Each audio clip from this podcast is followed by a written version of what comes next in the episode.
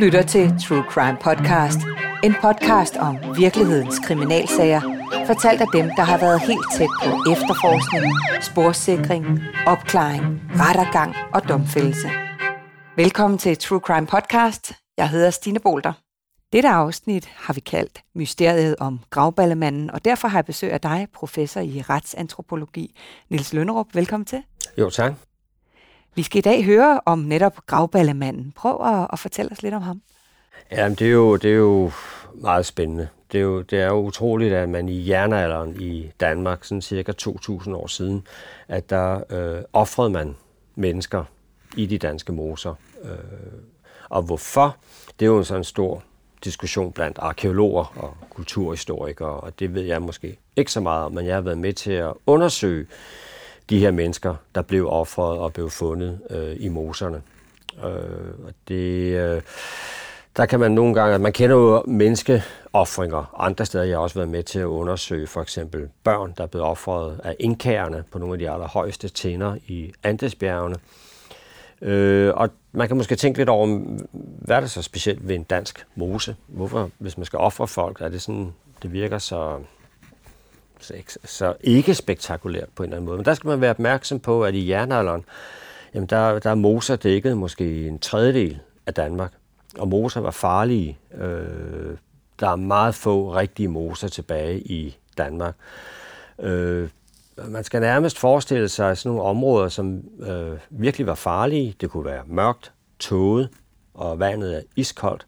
Og hvis man træder ud i sådan en mose, som måske endda på overfladen ikke er den særlig vandet, så kan man altså synke i, og som, som kviksand kan man altså blive fanget af det.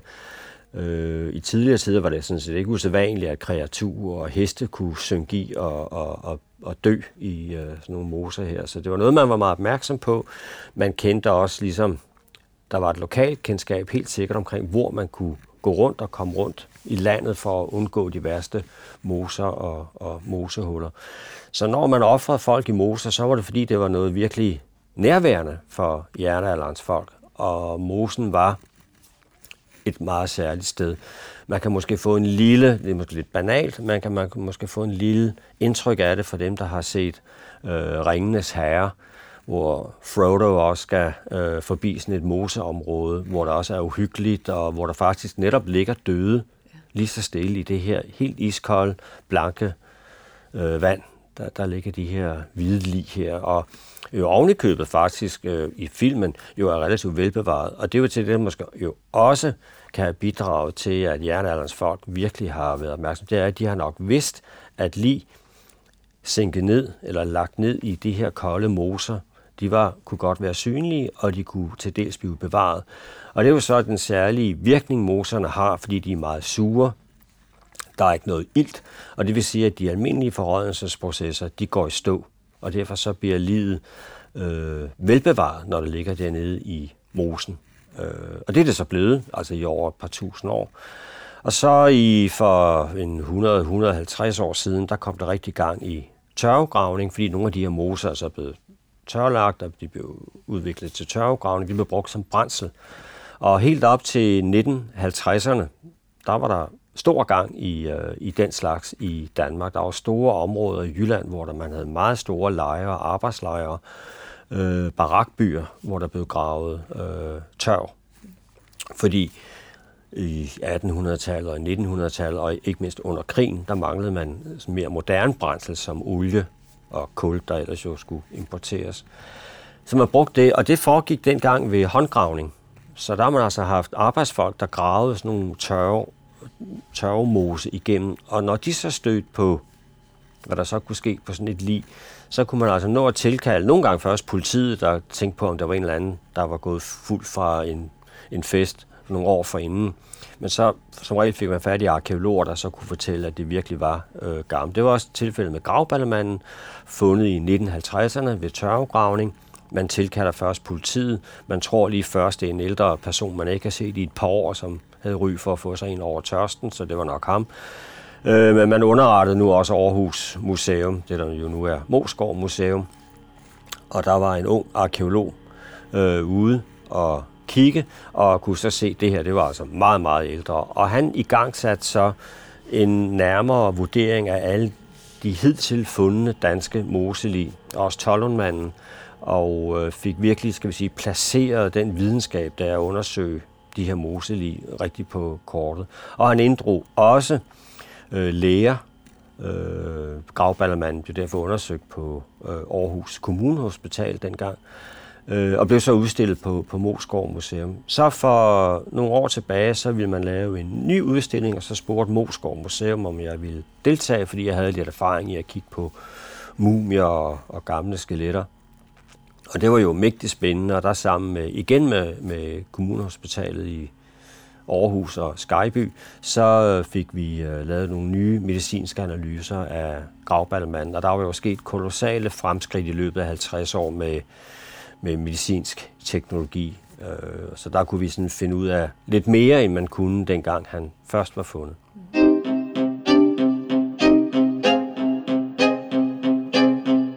Fandt de så ud af her anden gang? Ja, altså i første omgang, der havde man forsøgt at lave røntgenundersøgelser, men det var ret svært på grund af den røntgenudstyr, man havde dengang.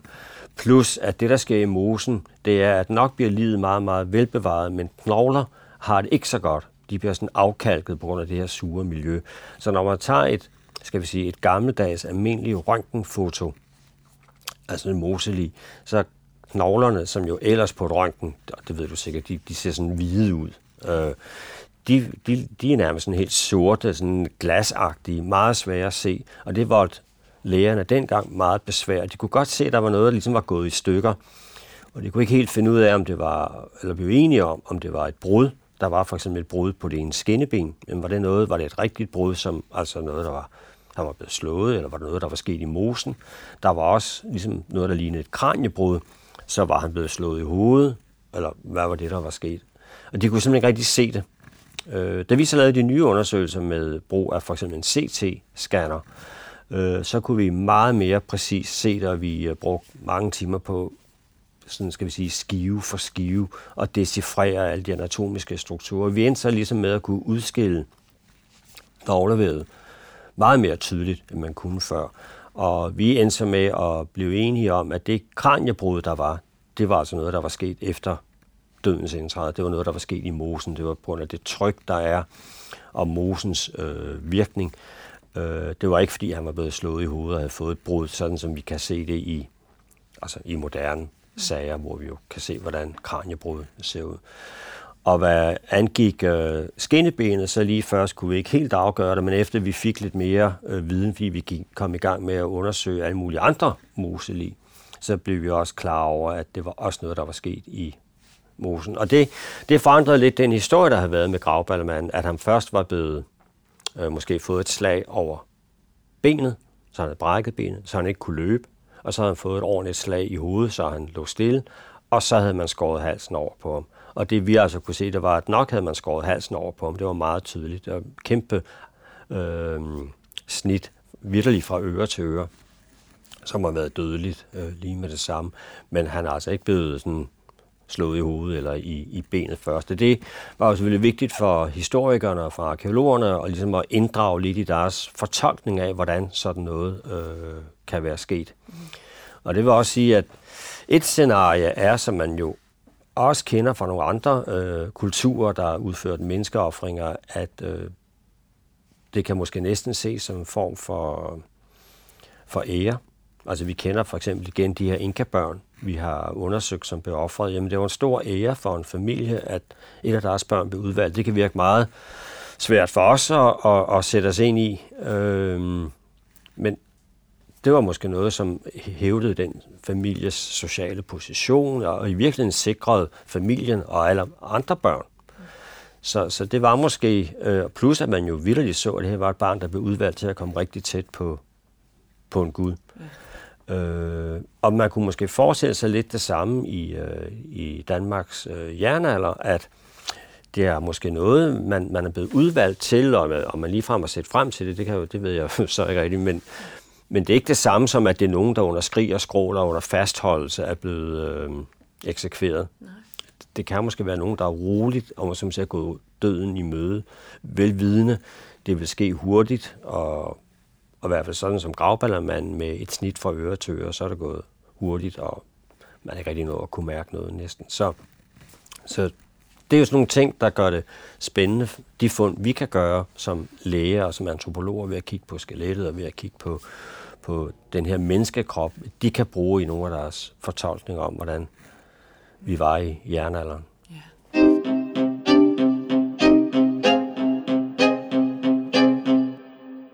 Lige her til sidst, så har vi jo, ved jeg jo også, at der er mange detaljer, og mange flere, du sagtens skulle komme ind på, men, men øh, der var også en snak om, at om han måske var homoseksuel, om det var derfor, at han er blevet slået ihjel.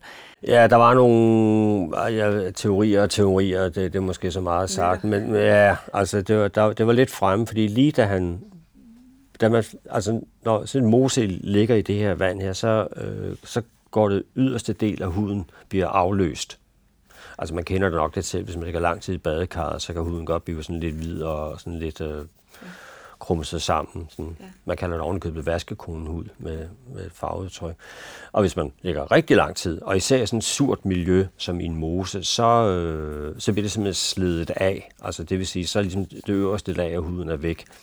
Når man så tager et billede for eksempel tæt på af fingre, øh, så kan man se meget, meget tydeligt, kan man se øh, fingeraftryk for eksempel. Så, så hånden, som man tog billede af, virkede øh, for nogen, der så det sådan, det var næsten øh, helt delikat og fin, hvor tanken var, at sådan nogle i jernalderen, de måtte have masser af vorter og vabler og tyk hud, fordi de var sikkert gået manuelt arbejde og ploven og hvad ved jeg. Og, øh, så her var der en hånd, der lignede, som om man havde været øh, kontorperson i altid og så videre. Og det gav anledning til sådan i den her fordi man ikke var klar over, at huden undergik de her forandringer her. Så den hud, man så, som i virkeligheden manglede det øverste lag, blev så tolket som en meget, meget fin og delikat hud, som så blev tolket, hvem kunne dog have det i jernalderen?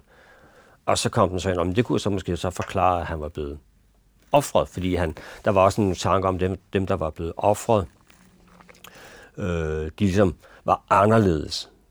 Øh, det har der været. Også fordi tidligere undersøgelser af andre moselige, der var man ikke klar over, hvor meget mosen kan gøre. Altså, den kan bøje knogler, og den kan flække knogler, den kan brække knogler, den kan også nærmest få knogler til at skrumpe. Så der er nogle af mine kollegaer, der tidligere mente, at nogle af de her noget forvredende menneskekrop, man fandt, i virkeligheden var udtryk for nogle svære deformiteter eller medfødte sygdomme. Eller, og det var derfor, de var blevet offret. Så der var sådan en tanke om, at de her de må være blevet offret, fordi eller udvalgt, fordi de ligesom var anderledes. Men altså alle vores undersøgelser, og nu har vi efterhånden undersøgt alle de danske moselige, og jeg har også været involveret i nogle nyfundne moselige i Irland, der er der intet, der tyder på, at de var anderledes end alle de skeletter og så videre, vi ellers kan finde fra jernalderen. Øh, så jeg mener ikke, at de nødvendigvis har været anderledes. Men der var der altså, der var den her mm myte eller tanke tilbage i 50'erne. Nå, men det kunne være den her delikate hud her, og det her, det kunne være, det var fordi, det var en homoseksuel. Og det var derfor, han var blevet udvalgt til at blive offret. Men det blev vist hurtigt skudt ned. Der er simpelthen mange flere gode og spændende historier i det her, men vi, øh, vi kan ikke nå mere i dag om de her spændende moselig. I stedet for, så kan man jo se dig på et af foredragene, som True Crime Agency øh, formidler med dig rundt omkring i landet. Tusind tak, fordi du kom og fortalte. Ja, selv tak. Det var alt her fra denne podcast, Mysteriet om gravballemanden. Du lyttede til True Crime Podcast, præsenteret af True Crime Agency. Jeg hedder Stine Bolter, og du kan læse meget mere fra virkelighedens kriminalhistorie på truecrime.dk, hvor du også finder flere udgaver af True Crime Podcast.